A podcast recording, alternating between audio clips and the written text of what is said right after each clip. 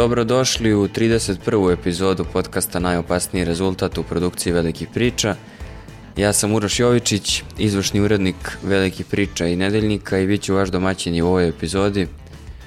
U epizodi, prvoj ovoj povratničkoj epizodi posle e, novogodišnjih i božićnih praznika i ove e, akcije velikih priča od Božića do Božića, tako da imate priliku da nas slušate prvi put posle specijalne epizode koju smo snimili o menadžeru Vlada, Marko i ja i koja je izazvala vrlo zanimljive reakcije i poznajem nekoliko ljudi koji su se vratili menadžeru ili su se njihova deca navukla na, na menadžere, tako da uradili smo mnogo dobrih stvari za tu igru i za ovu našu malu menadžersku zajednicu, a mnogo loših stvari za njihove živote.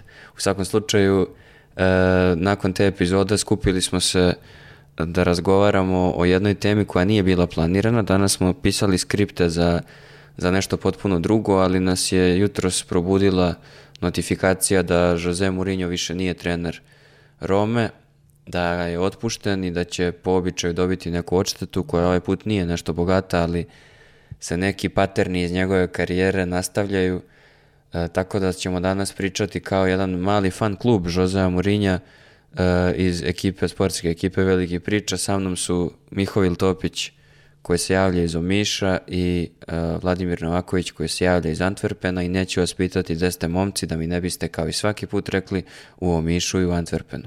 Šta ima? Evo, ne, ja ništa u Omišu i sve dobro i postao.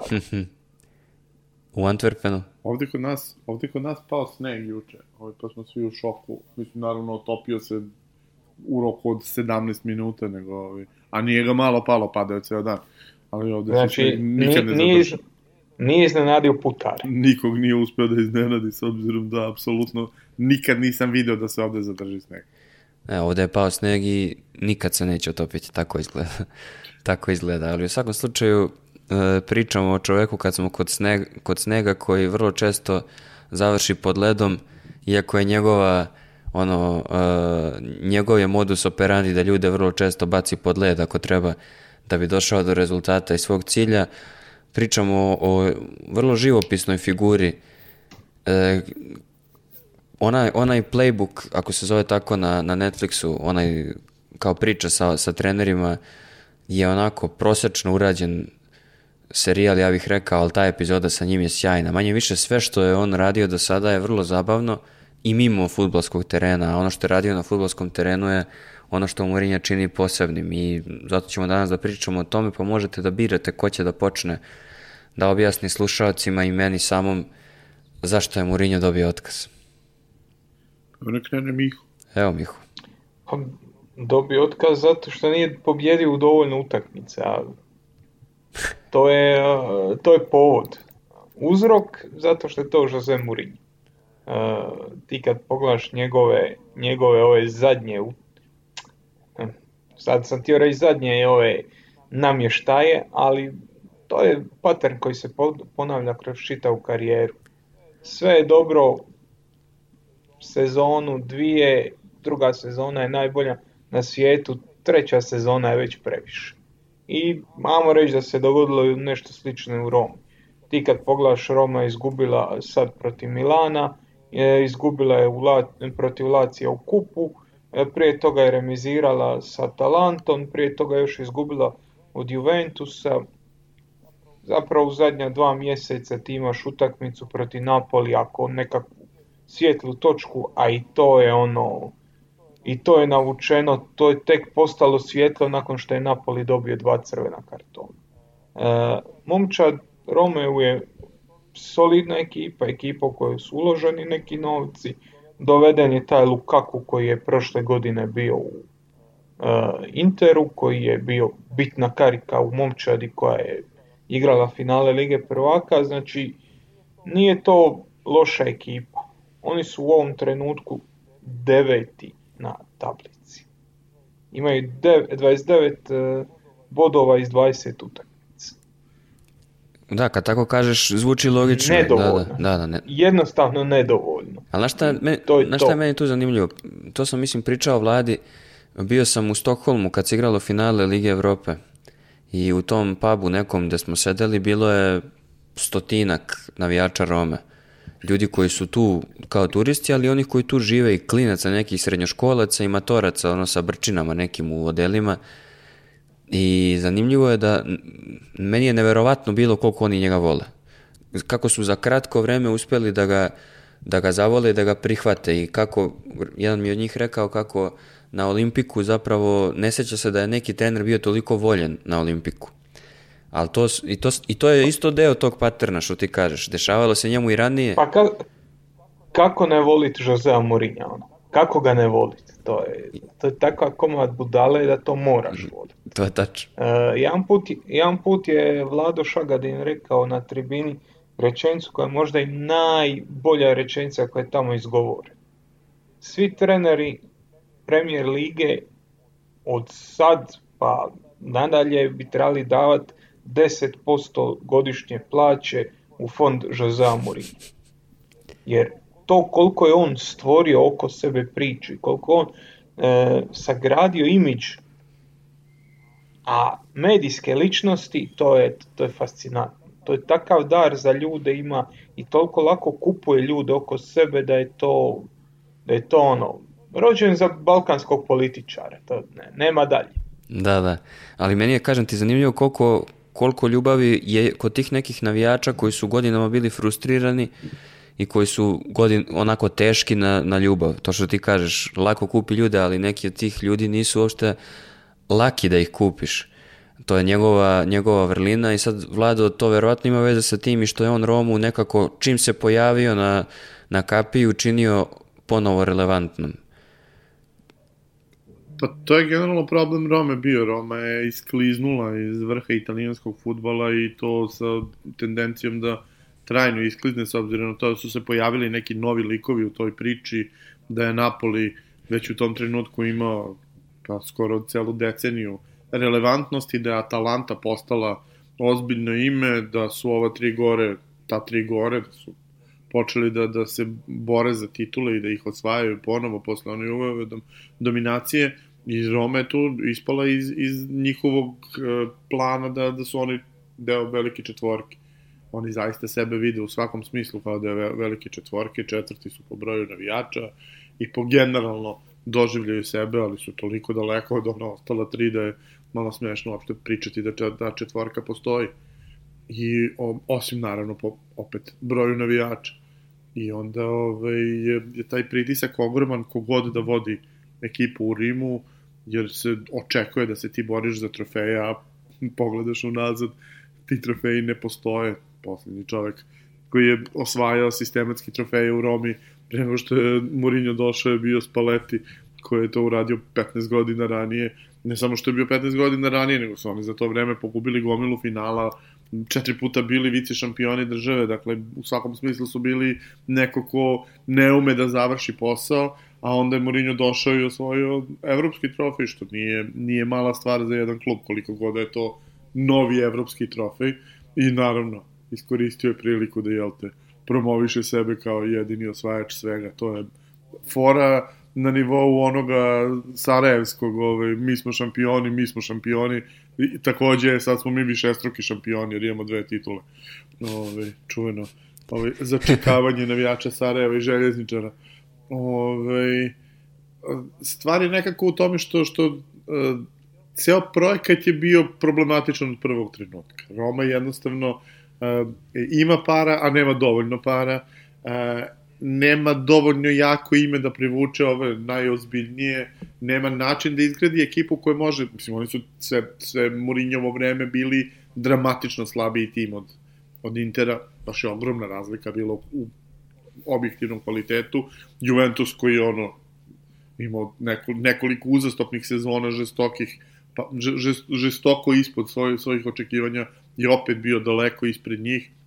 I čak i kada imaš situaciju kao ove sezone gde je Roma treća po, po plati i to ne, ne sa malom prednošću treća po plati, oni su jed, jedan od tri tima sa preko 100 miliona uh, evra uh, budžeta za platu u sezoni, to ne deluje nikako kao treći tim u ligi.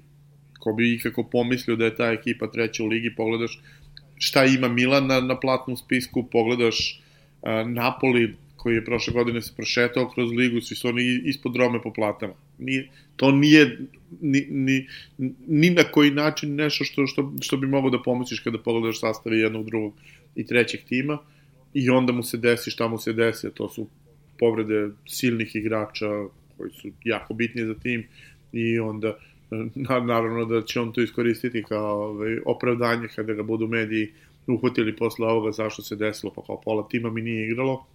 Međutim, činjenica jeste, e, treba izgurati Morinja, niko još uvek nije uspeo tome, dakle, niko nije izgurao tri cele sezone da ga, da ga gleda i veliko je pitanje da li će neko ko nije selektor, ko nije futbolski savez neke zemlje, to je reprezentacija, uspeti u njegovoj karijeri da, da spoji tri, tri cele sezone. Meni je zanimljivo kako je, kako je Mourinho čovjek koji je tako kontroverzan, a tokom čitave svoje karijere ima određene ljude koji su, koje je trenirao ili sa kojima je radio, koji ga ono obožavaju i idu za njim, što kao igrači po, po klubovima koje on vodi, što kao njegovi ono verni fanovi, pa i, i u javnim pojavljivanjima, istupima i gde god ih vidiš i pitaš i sretneš, oni pričaju sve najbolje o njemu, a imaš i tu drugu stranu da, to što ti kažeš, da bukvalno klub ne može da izduri tri godine sa njim da kompletira, jer je to problematično. Miho je napisao tekst o Konteu za velike priče koji dosta slično, sličnu priču priča i njega isto neki ljudi obožavaju, ali je jednako... Samo je ubrzan. Da, jednako je toksičan i te tri godine deluju kao ono predugačak period u odnosu na Conte, ali Miho je napisao takođe i tekst o Joseu Mourinju da je šteta što ga je pregazilo vreme i taj tekst je objavljen posle finala Lige Evrope sa Seviljom, ali ga možete čitati danas na sajtu, možete ga čitati svaki dan, ali smo ga danas podigli na sajtu velikih priča da bude ljudima u fokusu. I u tom tekstu svašta zanimljivo može da se pročita o tome kako je Mourinho zapravo postao to što jeste, onom dečak sa, sa malim nekim rokovnikom i, i malim džeparicem zato što će da zapiše neke stvari na utakmicama ekipa koji igraju protiv tima njegovog oca i kako je on razvio taj njegov primarni instinkt defanzivni i destruktivni, ali na velikim pričama ste mogli da pročitate i tekst Stefana Đukića, e, koji ne piše za, za, u sportskoj ekipi, eto tako da kažem, ali je zanimljiv tekst, čovjek navija za West Ham i kad se završila Liga konferencija, napisao je da je to finale kad je West Ham pobedio, napisao je da je zapravo to takmičenje uh, vrlo uspešan eksperiment uh, UEFA jer se navijači tih nekih klubova tog ranga ponovo osjećaju bitnim i živim. I Mourinho je kao mnogo puta u karijeri u savršenom trenutku vodio Romu i baš u tom takmičenju i baš na taj način i baš kada su navijači Rome i iz ličnih potreba jer je klub iskliznuo kako si sam rekao E, a iz, iz toga što igra to takmičenje neko evropsko, nižeg nivoa, želeli su da se ponovo osete relevantnim i on je to uspeo da uradi. Sad kad podvuče crtu mogu da zamislim konferenciju na, za štampu koju on drži na italijanskom i tokom koja upravo to objašnjava. Imao sam povređene igrače, imao sam nesređenu infrastrukturu u klubu, a doneo sam im prvi evropski trofej i dogurao ih do finala drugog evropskog takmičenja. Šta hoćete vi od mene?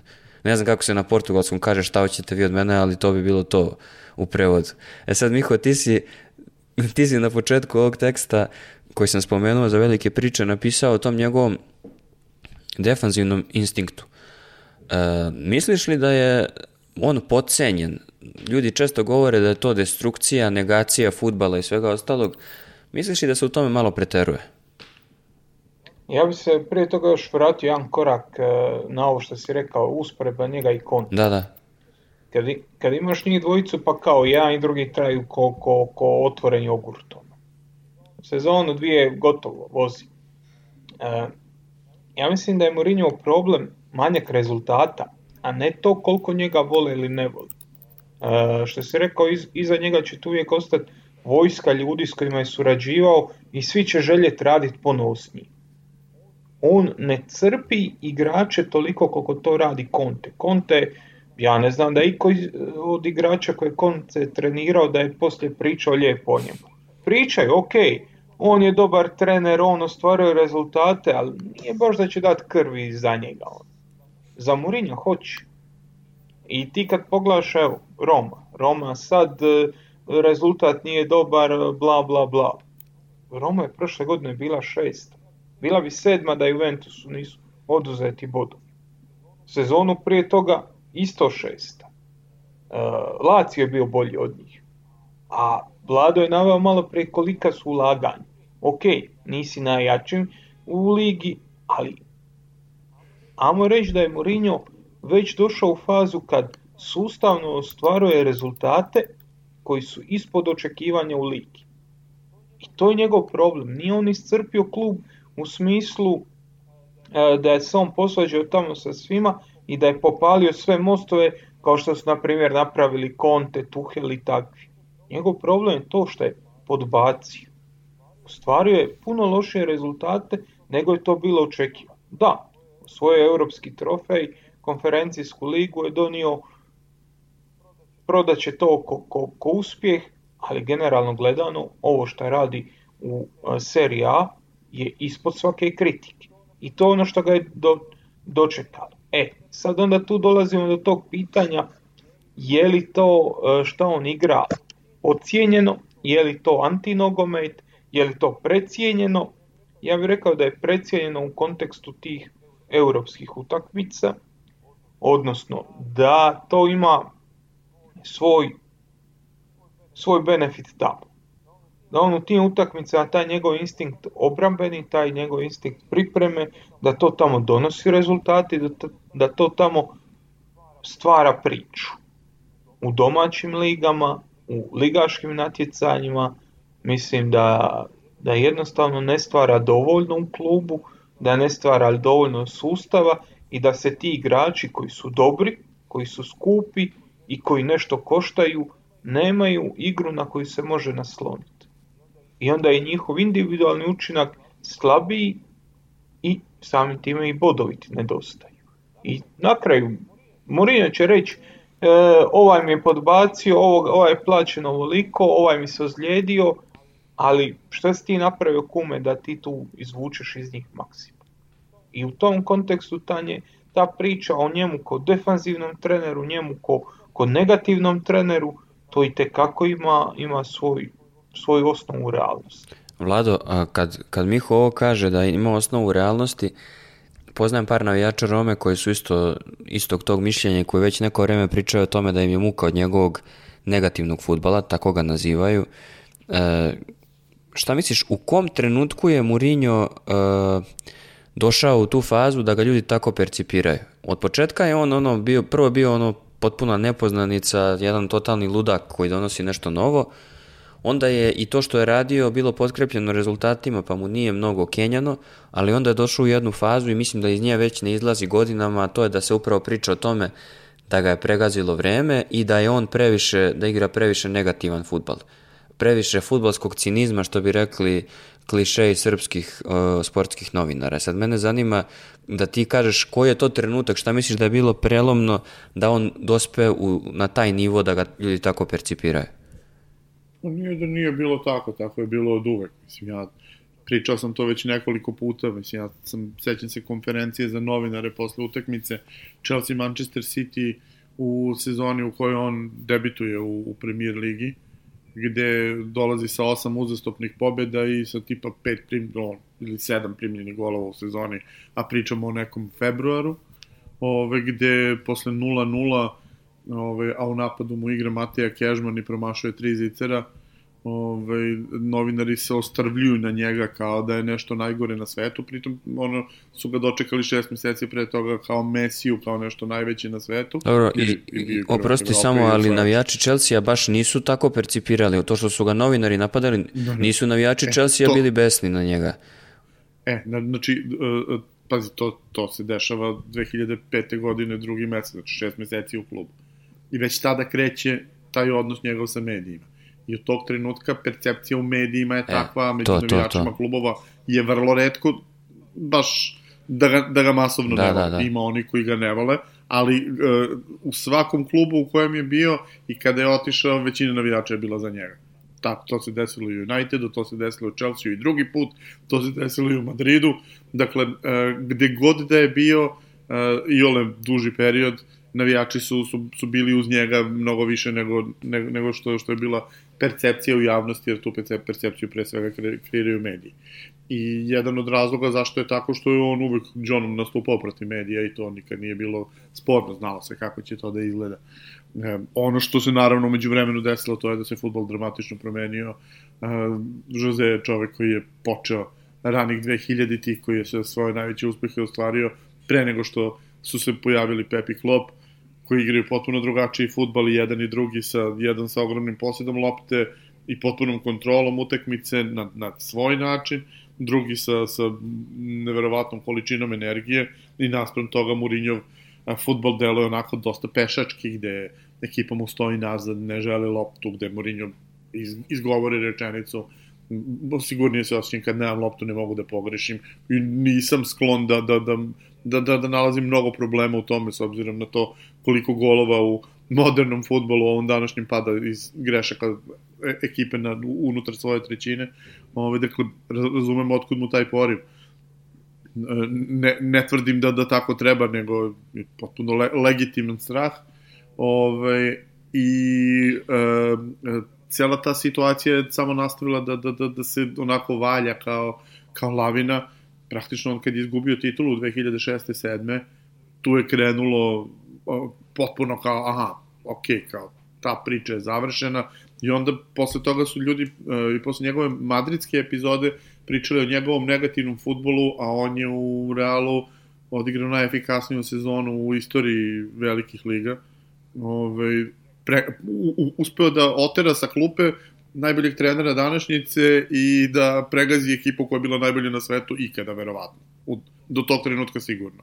Dakle, u, ne da im je uzao titulu, nego ih je potpuno, potpuno izdominirao protiv Barcelona u sezoni 2011-12 sa 122 gola, a ti i dalje imaš percepciju da je on negativ. Sad sa druge strane, činjenica jeste da je on neko ko je, tačno ono što je Miho objasnio, uh, gurno je, dakle, uh, u, u, u relaciji trofeji, uh, plasmanu ligi stavio je trofeje na vrh, što je nekako i logična stvar kada se pogleda poslednjih deseta godina i da se vratimo opet na najuspešniji klub tog perioda, Real Madrid, koji je bio skoro polovinu vremena prvak Evrope u poslednjoj deceniji, a za sve to vreme u domaćem šampionatu dva puta im je titul uzimao Atletikom e, Barcelona ima kudi kamo više trofeja od njih, čak i uspeli su da im uzmu sezonu u, u, u trenutku kada ne mogu da im pariraju ni na koji način, finansijski, ni, ni organizacijono, ni bilo šta. Dakle, Real Madrid je prototip kluba koji je kroz celu svoju istoriju to više uspeha ostvarivo u Evropi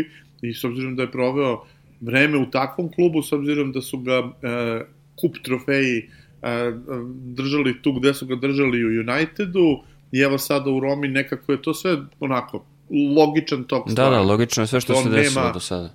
Njemu je, njemu je teško da napravi ekipu koja će da skupi 100 bodova u sezoni, sada, pre nije bilo, Ove, ovaj, jer jednostavno i ne vodi ekipe, ne vodi klubove koji, koji mu daju ne, ne može da priđe klubovima ko, koji imaju infrastrukturu da izguraju 100 bodova u sezoni i onda e, bira taj lakši a opet sa druge strane teži put jer ti je potrebno mnogo više mentalne snage da stigneš do kup trofeja nego do e, e, ligaškog trofeja jer ti je potrebno da budeš ono u svakom jednostavno ne možeš tebe da, da, da, da, da priuštiš ni jedan poraz i ovaj činjenica jeste dakle da, da je on za sve ovo vreme uspeo u kupovima da, da, da se dokaže svoje tro, evropski trofej sa Unitedom, svoje evropski trofej sa Romom. Zaista je onako CV mu je sa te strane super, ali zato u ligi, eto, rekao je Miho, 6-6 sa Unitedom isto, jedna sezona na drugom mestu. Koja može da se posmatra da, kao, kao da je svoju titulu, otprilike. Da, da, a ove, pomislimo 81 bod, to je onako za, za post Vergijev United dramatično mnogo, a ovaj, ali zato u onoj drugoj sezoni šesto mesto i i to namerno ali, pazi, šesto mesto gde je digao. Zanimljiva stvar je, pričamo o čoveku koji je na velikoj sceni, ajde da kažemo, od, od koje sezone?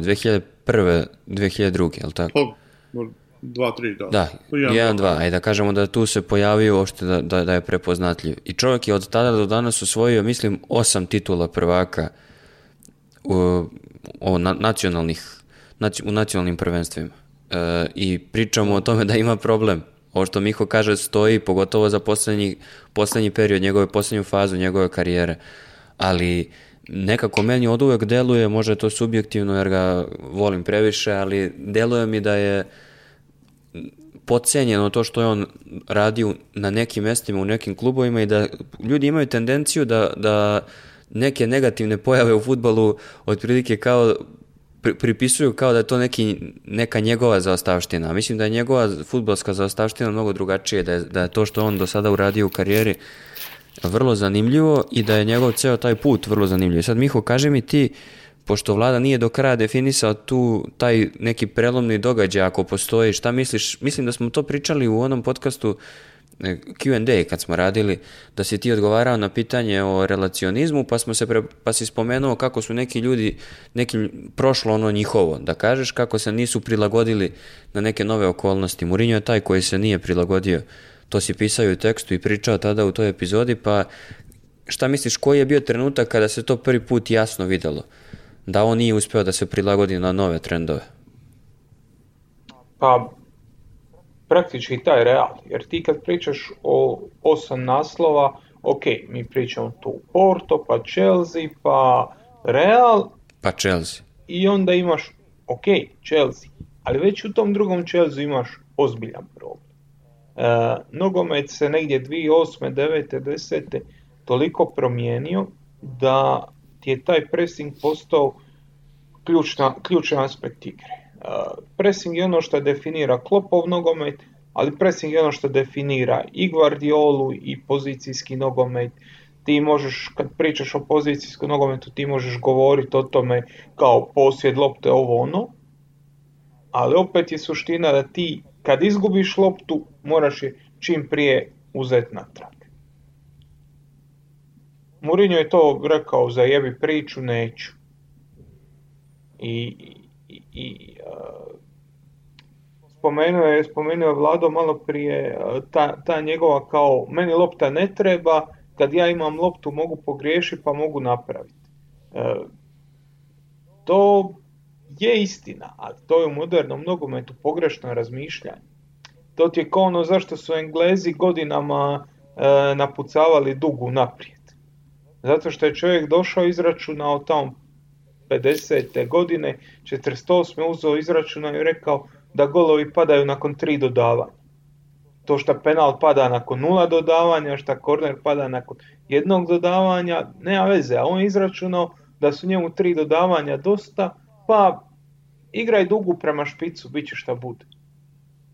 I tako i ovaj, on izračunao kao kad ja imam loptu, neću pogriješiti, puno golova pada iz moje greške puno golova pada iz toga da obrana prospe loptu u pokušaju iznošenja. Je, puno golova tako pada, ali još više golova tako daješ. Dolaziš gore, dolaziš u napad, dolaziš u bolje pozicije. Kad ti napucavaš loptu i braniš se, onda tebi suparnik dolazi, stabilan je, teško ćeš mu zabiti gol, možeš hvata tu neku kontru, ali možeš je uhvatiti protiv jače momčade od sebe.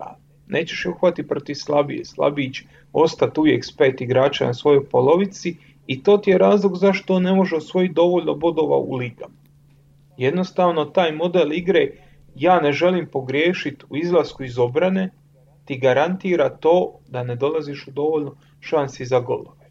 I samim time ne osvajaš dovoljno bodova. E sad, hoću da vas pitam, da kažemo sva trojica zapravo e, da izdvojimo jednu ili dve utakmice koje pamtite, koje pamtimo o, iz njegove karijere do sadašnje. Evo ja ću prvi, meni dve najupečatljivije, a siguran sam da ćemo se tu razlikovati. Ja je svakako ona pobjeda protiv Barcelone kad je vodio Inter.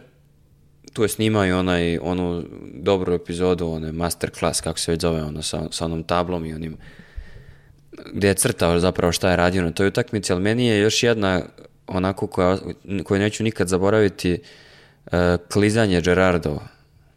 Se vi sećate Murinja protiv Liverpoola u toj utakmici koja je realno odredila tu sezonu?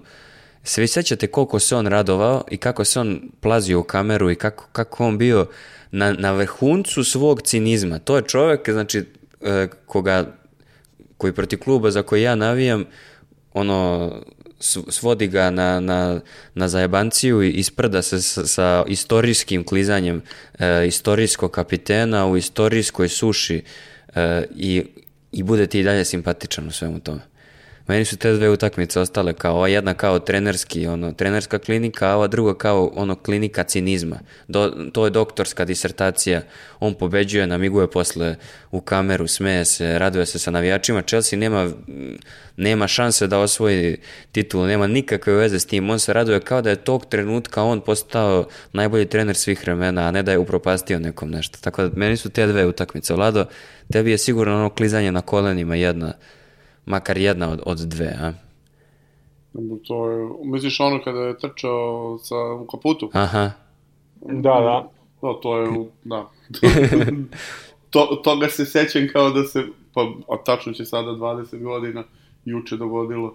Ove, da, što, što najgore, mislim, u tom celom dvomeču, mislim, u prvom, prvoj utakmici dvomeče čak i bio bolji, u toj drugoj utakmici trebalo bude mnogo, mnogo, mnogo, ali tačno se videlo trenutak kada, kada ove, lopta dolazi tamo i, i slike navijača i to nikad neću zaboraviti, ta kamera koja ide kroz publiku i vidiš onako bleda lice navijača i ako protivnik nijednu šansu dotle nije napravio, svi znaju šta će se dogoditi i, ovaj, Kuštinja daje gol i, i, i Porto pobeđuje i, i Mourinho trči i postaje ljubimac ovaj, svih. Ne znam koliko si upravo za to da ne ima šansu da osvoji titulu. Ima on teoretsku šansu da uzme titulu, oni su bili pa, tu. teoretsku, njemu ali... Ta titula, njemu je ta titula te godine onako izbijena serijom neverovatnih utekmica, ono sa Sunderlandom nerešeno i još ako se ne varam beše od Vile izgubio bodove, ne mogu setiti više ni od koga, ali dva, dve, tri utekmice iz, izgubio baš glupo i onako kako on najviše volio, to je sumnjivim odlukama sudija. Ove, ovaj, I, I onda je City praktično upala titula u ruke ni krivom ni dužnom, jer su stvarno te godine izgledali strašno. Ove, ali nemam pojma, mislim, od, znaš, pojedinačnih utakmica se ne sećam zbog toga što je on nekako uvek imao velike probleme u tim pojedinačnim utakmicama, čak i onda kada je uzimao trofeje protiv Barcelone, uspevao je nekako da, da doživi neke neprijatne poraze, ove, a ono posle toga je, je bilo više problema nego, nego dobrih stvari, ali meni generalno cela ta, ceo taj trenutak kad se on vratio u Chelsea i te dve sezone, to, su, to je zaista izgledalo onako kao vrhunac njegov, jer je on pokupio Chelsea u trenutku kad je baš bio onako raspad, gde su pet godina menjali trenere u pola sezone, da je bilo svega i svačega, i bukvalno on se vratio na klupu i puf, 13-14 izgledaju kako izgledaju, 14-15 bolji su od svih za, za 15 bodova ba, baš mi nije pitanje utakmice, baš mi je pitanje kontinuiteta, jer imam utisak da, da je i taj tip trenera, da je tip trenera kome je najveća vrednost to što ubedi koga god da trenira da, ovaj, da, da, da je bolje čak i nego što jeste. I verovatno zbog toga i jeste u problemu, zato što je mnogo moj teže da sada ubeđuje nekoga, pogotovo kad vodi ekipe kao što su oni Spurs i ova Roma, da su bolji od, od, od, od drugih kada očigledno nisu. Tebi, Mihu, šta je? Uh, ja imam, ja imam onu uh, kad je dobio Barcelonu 2-1 2012. Zapravo to je utakmica koja njemu osvojila tu La Ligu i mislim sam mi Kedira da je zabio gol ili tako nešto.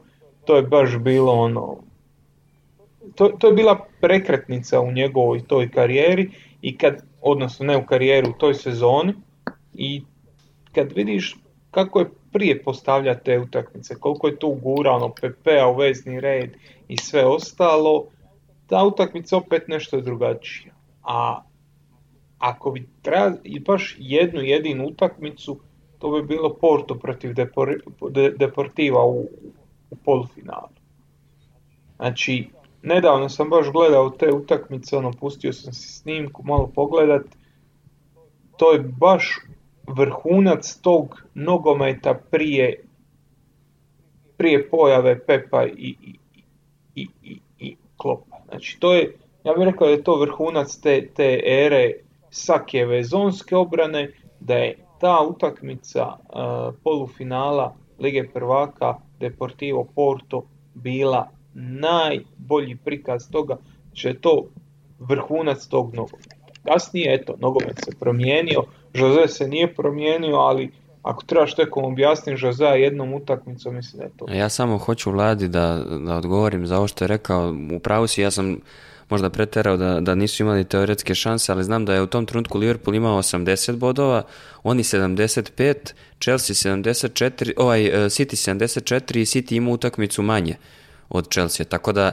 nije, nije bio ni u, u prva dva favorita, faktički je bio treći, ali bila su tri kola do kraja, on je imao pet bodova za ostatka za Liverpoolom i imao je ove iza sebe koji su imali, čini mi se, lagan raspored, tako da u tom smislu nije bio, nije direktno od tom, tom pobedom osvojio titulu, a ponašao se no, da. i zajebavao je navijače Liverpoola i igrače kao da je osvojio svetsko prvenstvo u tom trenutku. Je sad, to je jedna strana priča o Murinju, ali druga strana je ovo što je Miho rekao na početku, to je ozbiljan komad budale koji ne može da ne voliš.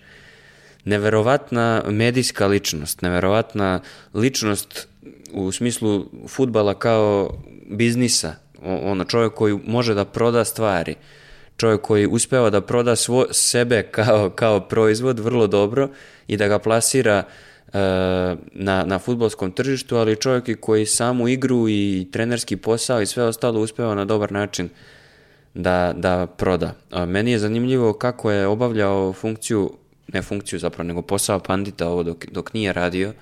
Meni je tu bio jako zabavan i duhovit i, i super stvari mi je pričao. Drugo, ono što mislim da je u poslednjih nekoliko godina značajno uticalo na poboljšavanje njegovog imidža i čak i kod onih ljudi koji ga nisu voleli, proizvelo to da ga cene, to je ona serija o Tottenhamu.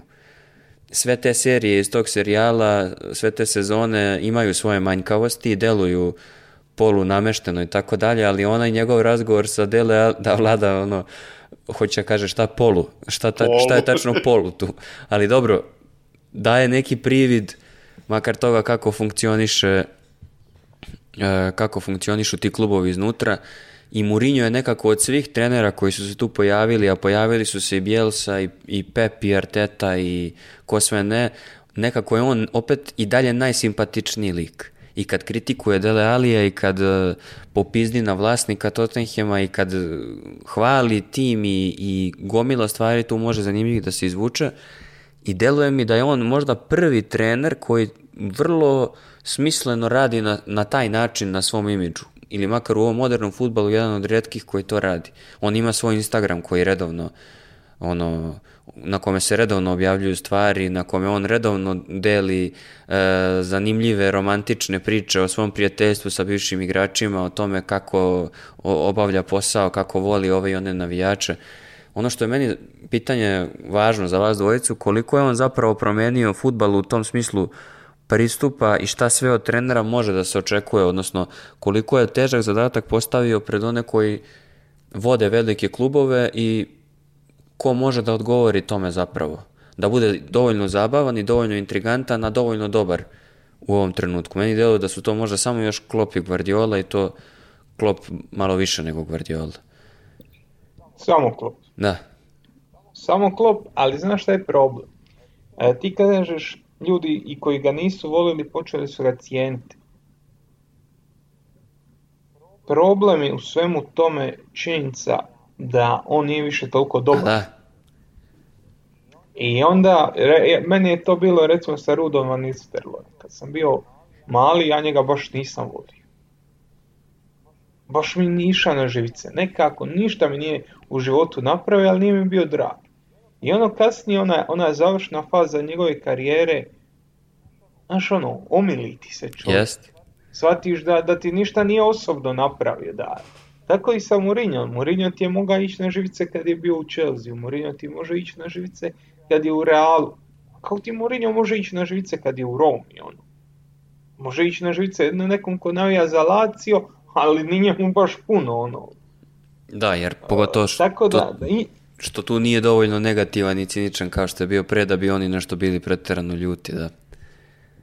Tako je. I onda imaš tu situaciju tog, tog te neke simpatije, te neke nazovi, nazovi empatije prema njemu, ono, skliznio si s vrha, jebi ga, malo mi te milo, ono, šta, šta da kaže. Plus to, Klop to nikad neće imat, jer Klop nikad nije dijelio ljude. Klopa ili voliš ili ti nije bitan. a ovoga si ili volio ili si mrzio. E pa, i ti koji su ga mrzili su umeđu vremenu ono, skužili da je to ipak posebna glava i da, da će ti faliti. Jer u svakom slučaju treba ti nekakav negativac u priči. Trebaš nekoga koga ćeš mrziti, trebaš nekoga s kim ćeš se svađati, a on je bio tu savršen lik. Jeste, Vlado, kako ti vidiš to njegovu poluinfluencersku karijeru u poslednjih par godina? Mislim, generalno to što pričamo, on je značajna medijska ličnost i misliš da, da je utro put za neke, za neke ljude koji, su, koji na taj način pokušavaju da osvoje prostor svoj na tržištu? Pa da, samo što tih ljudi nema. Ovaj, mnogo je teško biti zbog toga što ipak on je uspeo da, da spoji i uspešnost i, i to.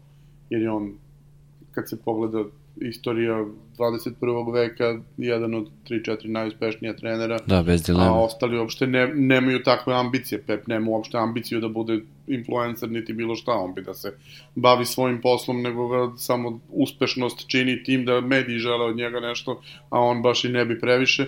Drugo, Pep ipak živi u jednom sterilnom okruženju gde klub prepeglava to. Ja recimo mislim da njegov Njegova serija bi bila super kad ne bi iz kluba insistirali na tome da se svaka pomisao na bilo šta što što nije baš super čisto ovaj, um, emituje. Ovaj, volo bih da ga vidim kada ono upada u svoje nalete ludila i ostalo koje liniji možemo da gledamo na, na krajevima utakmica, ono, ne samo sa Jozovom Kimihom, nego sa gomilom igrača si imao trenutke gde završila se utakmica, oni dobiju meča ovaj urla na, na, na čoveka jer nije nešto uradio što je trebalo da uradi. Ove, I mislim da, da je to ono što bi mu dalo više životnosti. I drugo, mislim da Pep ima taj dodatni problem, a to je što njegova fan scena uh, je nešto što više nervira ljude nego on sam. On sam I to je mnogo, tačno. Mnogo kulji lik, mnogo kulji lik ne, ne, nego ljudi, ljudi koji su ove, njegovi fanovi. Uh, ove, i, i mnogo fleksibilniji. A, što se Klopa tiče, Klop je celu priču napravio da bude ono zabavan lik. I jedina stvar koju ljudi generalno njemu zameraju to je što malo previše insistira na, na, na, na tome. Ove, kod, kod ljudi koji ga ne vole. Ove, ali generalno ono mislim on je čovjek koji je osvojio sve trofeje, ali je sve trofeje osvojio po jednom, tako da nije da nemaš ti osjećaj sa njim kao sa, sa Mourinhom koji dođe i tri godine te, fi, on fizički zlostavlja kompletan ostatak ligi, neko on osvojio titulu jednom u osam godina svaka čast.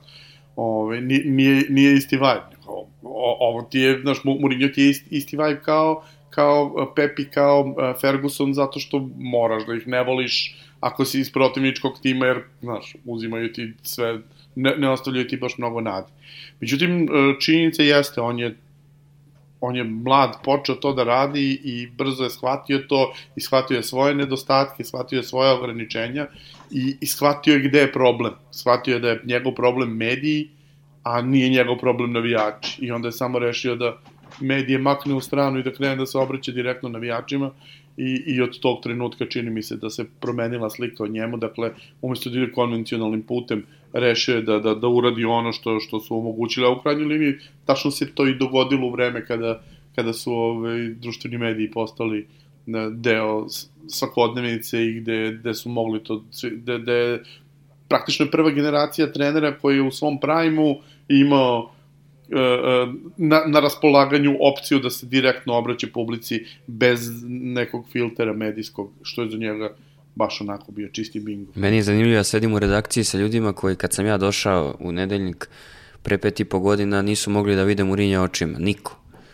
Marko Prelević, odgovorni urednik, navijač Liverpoola, uh, Veljko Lalić, glavni urednik, navijač Manchester Uniteda, niko ne može da ga smisli u tom trenutku. Međutim, uh, kako sam ja ono kao Mourinho svedok kljuca u glavu godinama, a i kako se ta medijska slika njegova, što Miho kaže, kako je on prestao da bude toliko dobar, pa je prestao i toliki trn u oku da predstavlja ljudima, tako se i ovde na, u mom mikro svetu u redakciji menja slika o njemu. Kapiram da je tako i sa drugim navijačima, ali ono što je važno da se, da se kaže to je da, da je on stvarno na neki način menjao futbal i paralelno menjao to, percepciju o trenerima i ulogu trenera, to što ti kažeš, spojio je i uspeh i popularnost i naravno da je bilo ljudi koji ga ne vole, ali, ali nekako odradio je posao u tom pravcu da danas ima takav sponzorski ugovor sa Adidasom i da ima neke ozbiljne sponzorske ugovore sa drugim nekim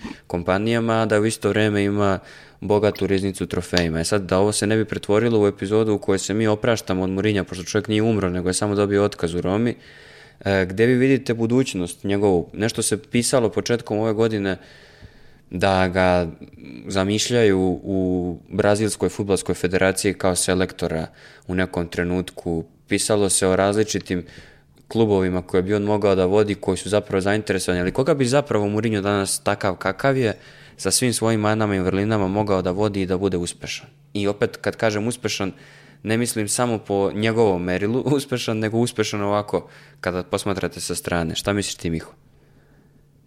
PSG, meni to prva stvar koja pada na pamet, to bi imalo smisla, jer domaće prvenstvo ćeš osvojiti, iako ajde, postoji dokazi da nije, nije baš pravilo, da. Lagano. Ali e, niko se neće zabrinuti ako ne osvojiš. Ancelotti nije osvojio domaće prvenstvo, pa šta je bilo? Ništa. Je li mu to utjecalo na legacy? Je li to, je li to napravili kakav problem? Nije. Nastaviš dalje. A one četiri utakmice u Ligi prvaka, e tu ja još uvijek mislim da niko ne voli vidjeti Murinja s druge strane. E, kvalitetu imaš, sve imaš, možda to ima smisla. I drugo je ta nekakva reprezentacija gdje ga ja puno, puno prije vidim u Engleskoj nego u Brazilu. U, to bi bio, to je vlažni san. To bi bilo baš zanimljivo za gledanje. Ne znam da li Englezima, ali nama sa strane sigurno. No, ma, nama si, ma bi i njima. I oni, I oni su sad u toj fazi da ono... Ja mislim da Southgate nakon, nakon nakon evropskog prvenstva, da. Ev, evropsko prvenstvo ide ča, to moraš izdržati šest mjeseci, nemoj potpisati s nikim i, i, ta, i ta vrata će se otvoriti ako želiš da Da, da. Vlado, ti šta misliš? Ovo potpuno ima smisla iz prostog razloga što Englezi vole da su onako negativno nastrojeni prema svojim selektorima, a prema Southgateu nisu iz raznih razloga, ovaj, tako da idealan je čovek da ga, da ga ne podnose ove, mislim, medije opet, ali uh, definitivno je reprezentacija nešto. Tačno ovo što kaže Miho, mislim, možda vodiš Pariz gde nećeš imati baš mnogo dnevnih aktivnosti, gde ćeš se spremati za, za jedini deo koji oni, koji njima bitan, a to traje tri meseca, i reprezentacija gde se uključuješ, isključuješ, nema potrebe da nešto uigravaš, jer nemaš kada nešto da uigravaš, nego samo ono, ajmo momci, možemo mi to stani nazad čvrsto. Hm mislim da, da, da bi on s reprezentacijom onako na, na duže staze mogao da bude baš, baš neprijatno uspešan po protivnike, jer onda kad još svedeš to sa dve utakmice na 90 minuta, zaista, jo, još manje želiš da vidiš Mourinho 90 minuta protiv sebe. Pogledaj njegov rekord u, u finalima, uh, da zanemarimo ovo gde ono, Anthony Taylor odigra veću ulogu nego svih 30 igrača zajedno ovaj, ono, gotovo da je perfektan kada su finala u pitanju, a to mu je jedina prilika da igra na, na jednu utakmicu. Ovaj, ja, ja onako, ba, baš bih volao da ga vidim na, na čelu bilo koje reprezentacije, radije neke koje mi je simpatična nego ove neke koje nije. Da, takođe, naročito što čovjek ima 60 godina. To je isto jako bitan faktor. Da, konačno konačno je ušao u godine da, da, da to ne, jer zaista i pre 10 godina i posle On je i tad Reala, mogao, da, a da. posebno da. posle Chelsea je delovalo da, da je to to što treba da Jeste, ali, ali sada ima i 60 godina, mislim, s jedne strane to je vreme kada može polako da se usmerava u tom pravcu, s druge strane mlad je. Mislim, naravno ne znamo kad je kome kraj, ali i dalje je mlad i po ovom našem ljudskom, što bi rekao Dežulović, jeftinom računanju vremena, ali, ali deluje mi da ako bi uzeo neku reprezentaciju s kojom bi mogao da se mečuje i koju bi uspeo da nekako, a, a pošto ima tu mogućnost da ga ljudi zavole tu sposobnost, mislim da bi se lako uklopio u većinu tih reprezentacija, deluje da bi to što kažeš mogao da nervira ljude još 10 godina, da, od, zamisli osvoji Mourinho svetsko prvenstvo. Pa to bi bilo level... Sa engleskom, od Da, le, to, to je level Messi osvojio svetsko prvenstvo. Hajpa i ludila koje, koje on onda izaziva nakon toga. I onda do kraja života, gde god se pojavi, dobar dan, daćete mi dva hleba, ja sam osvojio svetsko prvenstvo. E, platio bih račun za struju, ja sam osvojio svetsko prvenstvo. Znači, gde god se pojavi, samo o tome priča. Uh, ja, ja, ja mislim generalno da ovaj, uh, imaš one trenere kao Fergie, kao recimo Roy Hodgson sada, koji ne mogu da prestanu da treniraju jer ne znaju šta da rade kad nisu na terenu, kad nisu u toj priči ili u kancelariji organizovanju nečega drugoga. A za Mourinho potpuno mogu da zamislim da provede sledećih 15 godina uključujući se na po tri meseca na nešto. Pa dobro, ali on je to već radio sad ovo kad je imao pauzu, kažem ti to kad je, dobro. kad je bio pandit, meni on bio super. I ako će on sada da bude kao da, selektor da, i, da, i, da, i da se javlja, da, da bude na finalu Lige šampiona, mislim, to mi, to mi je vrh i da ga gledam kako i analizira i koliko je, jer pazi, on, sve ovo što pričamo, odlika je super inteligentne osobe, jer ne može neko i na, i na taj način da prepozna sve svoje mane i sve svoje slabosti i da te sve svoje mane i slabosti preokrene u svoju korist i da se to uh, mačuje sa medijima i javnošću i navijačima 20 godina i da bude uspešan i da bude popularan, a da nije inteligentan. On je super inteligentan lik i kapiram da će dobro odabrati sledeću destinaciju. Svakako ne očekujem od njega da će uzeti neki tim još nižeg ono ranga od Rome, nekako mi ne deluje da je tip koji će, jer to, to je tek neprimenjivo. Zamisli još jedan nivo kvaliteta ili dva nivoa kvaliteta ispod Rome, a, a njegovi ovi principi igre, to, bi, to ni na šta ličilo ne bi, vjerojatno bi bio 13. u ligi. Tako da kapiram da je, da je reprezentacija, su, ne bih volao da uzme Brazil kad smo kod toga, meni to nije, ne zvuči mi kao primamljiva opcija, ne bi mene preterano to tangiralo, tako da, ali Argentinu, na primjer, to bi me, to bi mi bilo, to bi mi bilo vrlo zabavno. E, pričali smo i ranije o tome, postoje te neke ono konferencije za štampu koje su ne znam ni kako da ih nazovem, to ušlo je u, u anale e, svetskog sporta i, i ponavlja se i ljudi puštaju to sebi ritualno kao kao, ne, kao film i seriju koju voliš da odgledaš iz početka. Jedna od tih konferencija je ona Željka Bradovića posle Evropskog prvenstva 2005. i debakla reprezentacija. Jedna je ona Murinjova kada je pričao o futbalskoj zaostavštini, ili tako? Kako, kako identitetu. E, kako vi gledate tu konferenciju, koliko puta je pustite? Ja je pustim makar jednom godišnje. Mislim, ona mnogo toga govori, to smo i ranije spominjali, kako zapravo to što je Mourinho tada pričao važi i sada, kako neke ono univerzalne mudrosti koje su nekada važile, važe i sada. To dovoljno govori da on može i tu ulogu filozofa da, da pokrije kako treba kada bude završio sa svakodnevnim obavezama. Znam da Miho voli tu konferenciju. Ba, ima li čovjeka koji to ne voli? Znači, on je, on je time pokrio sve. Uh, znaš šta je majstorsko u svemu tome? Kako on opra ruke? It's football heritage, mani to sa strane, ja tu ne mogu ništa, to su meni sve namjestili, bla bla bla. Normalno da nije tako, ti si dovodio igrače, sam si ih bira, stvori, rodi stvori, ali sažao je sve probleme koji su bili pet godina prije njega i pet godina poslije njega. Sve je stalo u tu football heritage. I ja, moj prijatelj, kaže, baš konkretno na to njegovo e, pandit iskustvo, kaže, šteta je što Mourinho i, i Slaven Bilić još pokušavaju biti trener. pa jest. Zamisli taj dvojac. Da oni prihvate, da oni prihvate da su medijske ličnosti, oni bi bili najbolji panditi na svijetu. I napravili bi za nogomet 300 puta više nego što sad rade kao treneri.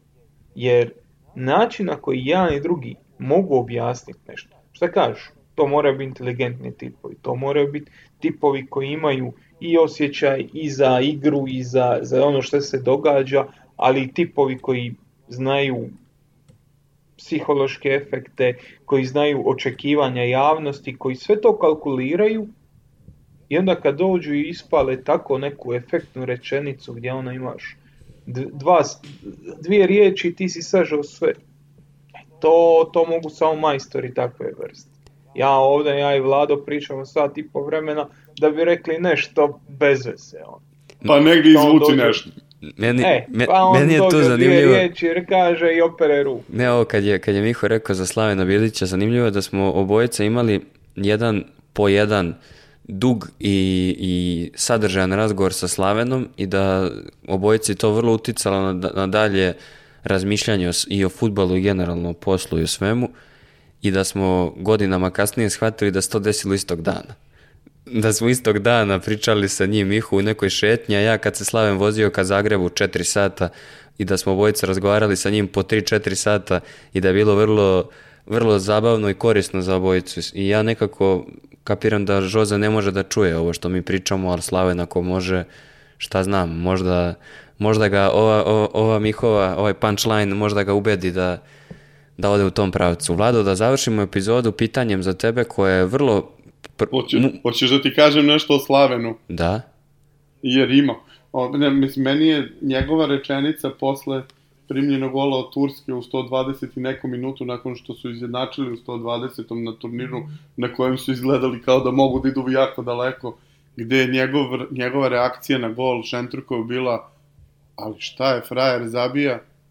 Znači, to mi je a, najnebalkanskija rečenica čoveka u istoriji, drugo, čoveče, ti si ispao u, u, u takvoj situaciji i tvoja prva reakcija je da se diviš golu koji je zaista bio za divljenje. Znači ono stvarno to što kažeš, to je, to je medijska ličnost, to je to. Do, doktor, to doktor se kaže. E sad, Lado, jedno, bit ću mučki provokator, što bi rekao jedan loš čovjek. Biću mučki provokator i pitaću te da li bi Mourinho bio dobro rješenje da preuzme sad United, kad je slobodan. A, Već je nekoliko ljudi mi pisalo to. Pazi, ja, ja trenutno verujem da ne nas trojica, nego bukvalno lik koji cepa karte na stadionu da preuzme United od Erika Tenaha bio bi napredak. Iz prostog razloga što mislim da svaki minut koji on provede na, u, u, ti, u, u, u klubu ekstremno ove, kako se zove, vo- vodi na pogrešnu stranu. Znači ovo nije ušao si u metro koji vodi u pogrešnom smeru, ovo je sad si već negde ono u dubinama zemlje i mislim da trenutno razara tkivo kluba od 0 do 100. Ove, ali ne mislim da bi Mourinho bio rešenje. Mislim da United, Unitedu treba. Mi, Čak, čak ni tada. mi, mislim Kao nas da trojica Unitedu- možda, ali Mourinho nikako. Ne, ne, mislim, bio bi mnogo bolja opcija nego ovo sada, ali mislim da je Unitedu potrebno nešto što će da ga spremi na ono što će da radi od, od, od leta, a od leta mora da dovede ozbiljnog trenera, imaće bar tri opcije, sve imaće sigurno Nagelsmana kao opciju, imaće vrlo moguće Tuhela kao opciju, ako ne Tuhela, onda će imati Šabi Alonsa kao opciju, no, jer svi pretpostavljamo da će on da uleti na to mesto jer je ovaj produžio ugovor u Madridu i ovaj, imaće sigurno bar još jedno ozbiljno ime kao varijantu, ako to ne bude iskoristio, onda mislim, džabe, džabe razmatramo. Džabe smo šta, krečili. ovaj, Onda, onda još 5-6 godina ovoga istoga. Ovaj, Dobro, e, znači još 5-6 godina dobrog materijala za Mourinho da kaže da je bio u pravu, tako da njemu ide u prilog da vi ne dovedete nikog Pazi, ja, krštenog. ja tu konferenciju ne bih poredio sa Željkovom konferencijom. Ta Željkova konferencija je nešto strašno. Ja njega, on meni više liči, on meni više liči na, na konkurenta Željkovog ovaj, sa druge strane brda, to jest sa, sa druge strane Hale Pionir i Arene, malo mi liči na magistra Čovića kada dođe i spremi svoje, ovaj, ponese svoje Excele na konferenciju i kreće ovde kroz brojeve, a mi smo ovde ono, mi smo ovde ono, kuća gori okolo, ali ne, ne, molim lepo, šta piše ovde, ja sam osvojio 2006. titulu, šta ti hoćeš od mene? E, ako me sad Tako ne... da, onako, Približavamo malo je se, ludak. ulazimo u posljednji minut podcasta, idealna prilika da padnemo u nesvest, pošto je vlada rekao da je Željko Vradoviću konkurent s druge strane brda magistar Nebojša Čović. Pa nego ko moj konkurent, Mila sigurno majko. nije, sigurno nije aktuelni trener košarkaškog kluba. Katastrofa. E sad, e, pošto ste imali priliku danas da slušate o Murinju, jednu neplaniranu epizodu koju nam je uprava Rome priuštila, e, mi zadržavamo diskret... Da je Roma, da je. Da, da, imamo diskre, diskreciono pravo da nastavimo da se pripremamo za neku od narednih epizoda u kojoj ćemo pričati o tome kako su zapravo ovi, ova prvenstva Afrike i Azije uticala i kako utiču na dugoročno na plasman u ovim najvećim ligama u Evropi. Umeđu vremenu bi i e, Miloš i Toni trebalo da snime košarkaški podcast, tako da ostanite sa nama svakog utorka na istom mestu. Posle ove zaslužene zimske pauze od jedne epizode vratili smo se i molimo vas da nastavite da šerujete, lajkujete, da se subscribe-ujete, da rejtujete gde god stignete podcast i da ga delite svuda ako mislite da vredi zbog toga što samo na taj način možemo da mu damo dodatnu vrednost i da nastavimo da radimo ovo što radimo ako vam se već dopada. Hvala vama dvojici što ste bili moji saborci u odbrani lika i dela Josea Murinja i čujemo se sledećeg utorka. Pozdrav! Pozdrav!